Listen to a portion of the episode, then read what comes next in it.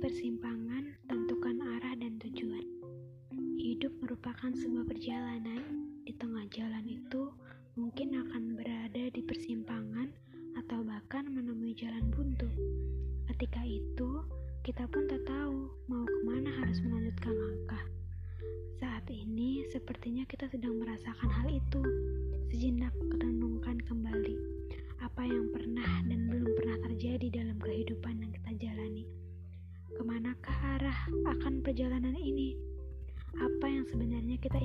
dalam hidup? Bimbang menentukan arah.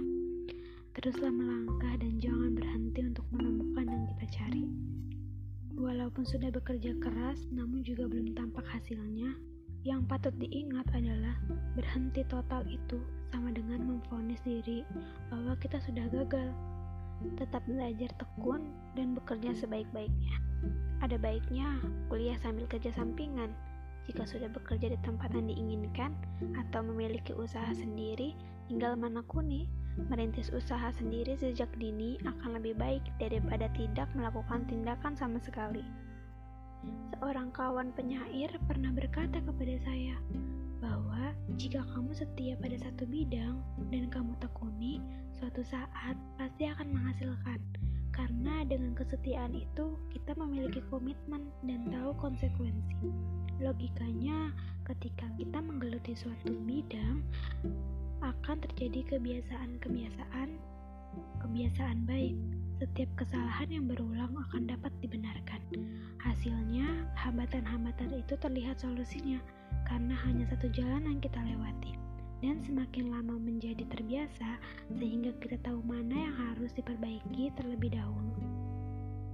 Perangkat apa saja yang kita perlukan, elemen apa saja yang perlu dikembangkan, jalur mana yang harus kita tempuh, dan beban apa yang harus disingkirkan.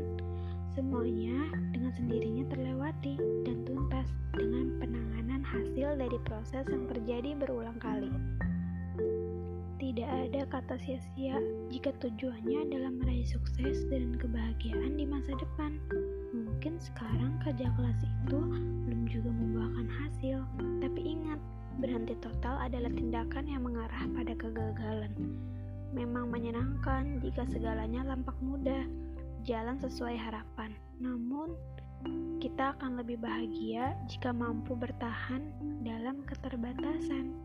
Memilih untuk menyelesaikan kuliah dulu baru bekerja, merintis karir menjadi pegawai honorer atau magang, menjadi guru di pedalaman atau menjadi kernet bus kota, penjaga warnet, membuka warung kecil-kecilan, Semuanya tidak ada salahnya untuk dilakukan. Tidak, tak perlu ada penyesalan jika memang menjadi salah satu di antara bidang itu ada pilihan untuk meraih cita-cita. Contohnya, sebagai guru honorer di daerah terluar, pedalaman, atau terpencil, pengabdian itu dilakukan dengan ikhlas, mencerdaskan anak bangsa. Seiring dengan hal itu, kehormatan dan harga diri kita akan muncul dengan sendirinya sekalipun tidak kaya, tapi sebuah pengabdian pada negara melalui bidang pendidikan merupakan hal yang mulia. Tentukan tujuan hidup, maka hidup kita akan terasa hampa. Hidup akan mengalir begitu saja, tidak ada alasan apa pun di balik setiap hal yang kita lakukan. Bahkan, kita juga bisa jadi mudah terbawa arus atau pergaulan yang negatif. Memiliki tujuan hidup juga akan membantu kita menjadi pribadi yang lebih positif karena kita akan fokus pada hal-hal yang bisa membuat kita mencapai tujuan sehingga kita jadi terhindar dari rasa iri dan pikiran negatif terhadap orang lain. Nah, teman-teman, tadi merupakan buku yang aku baca. Jadi intinya kita harus terus bekerja keras. Mungkin sekarang kerja keras itu emang belum ada hasilnya, tapi berhenti total itu merupakan arah menuju kegagalan. Yang patut diingat adalah berhenti total itu sama dengan memfonis diri kita bahwa kita itu gagal. Tetap belajar tekun dan bekerja sebaik-baiknya ya. Terima kasih sudah mendengarkan. See you.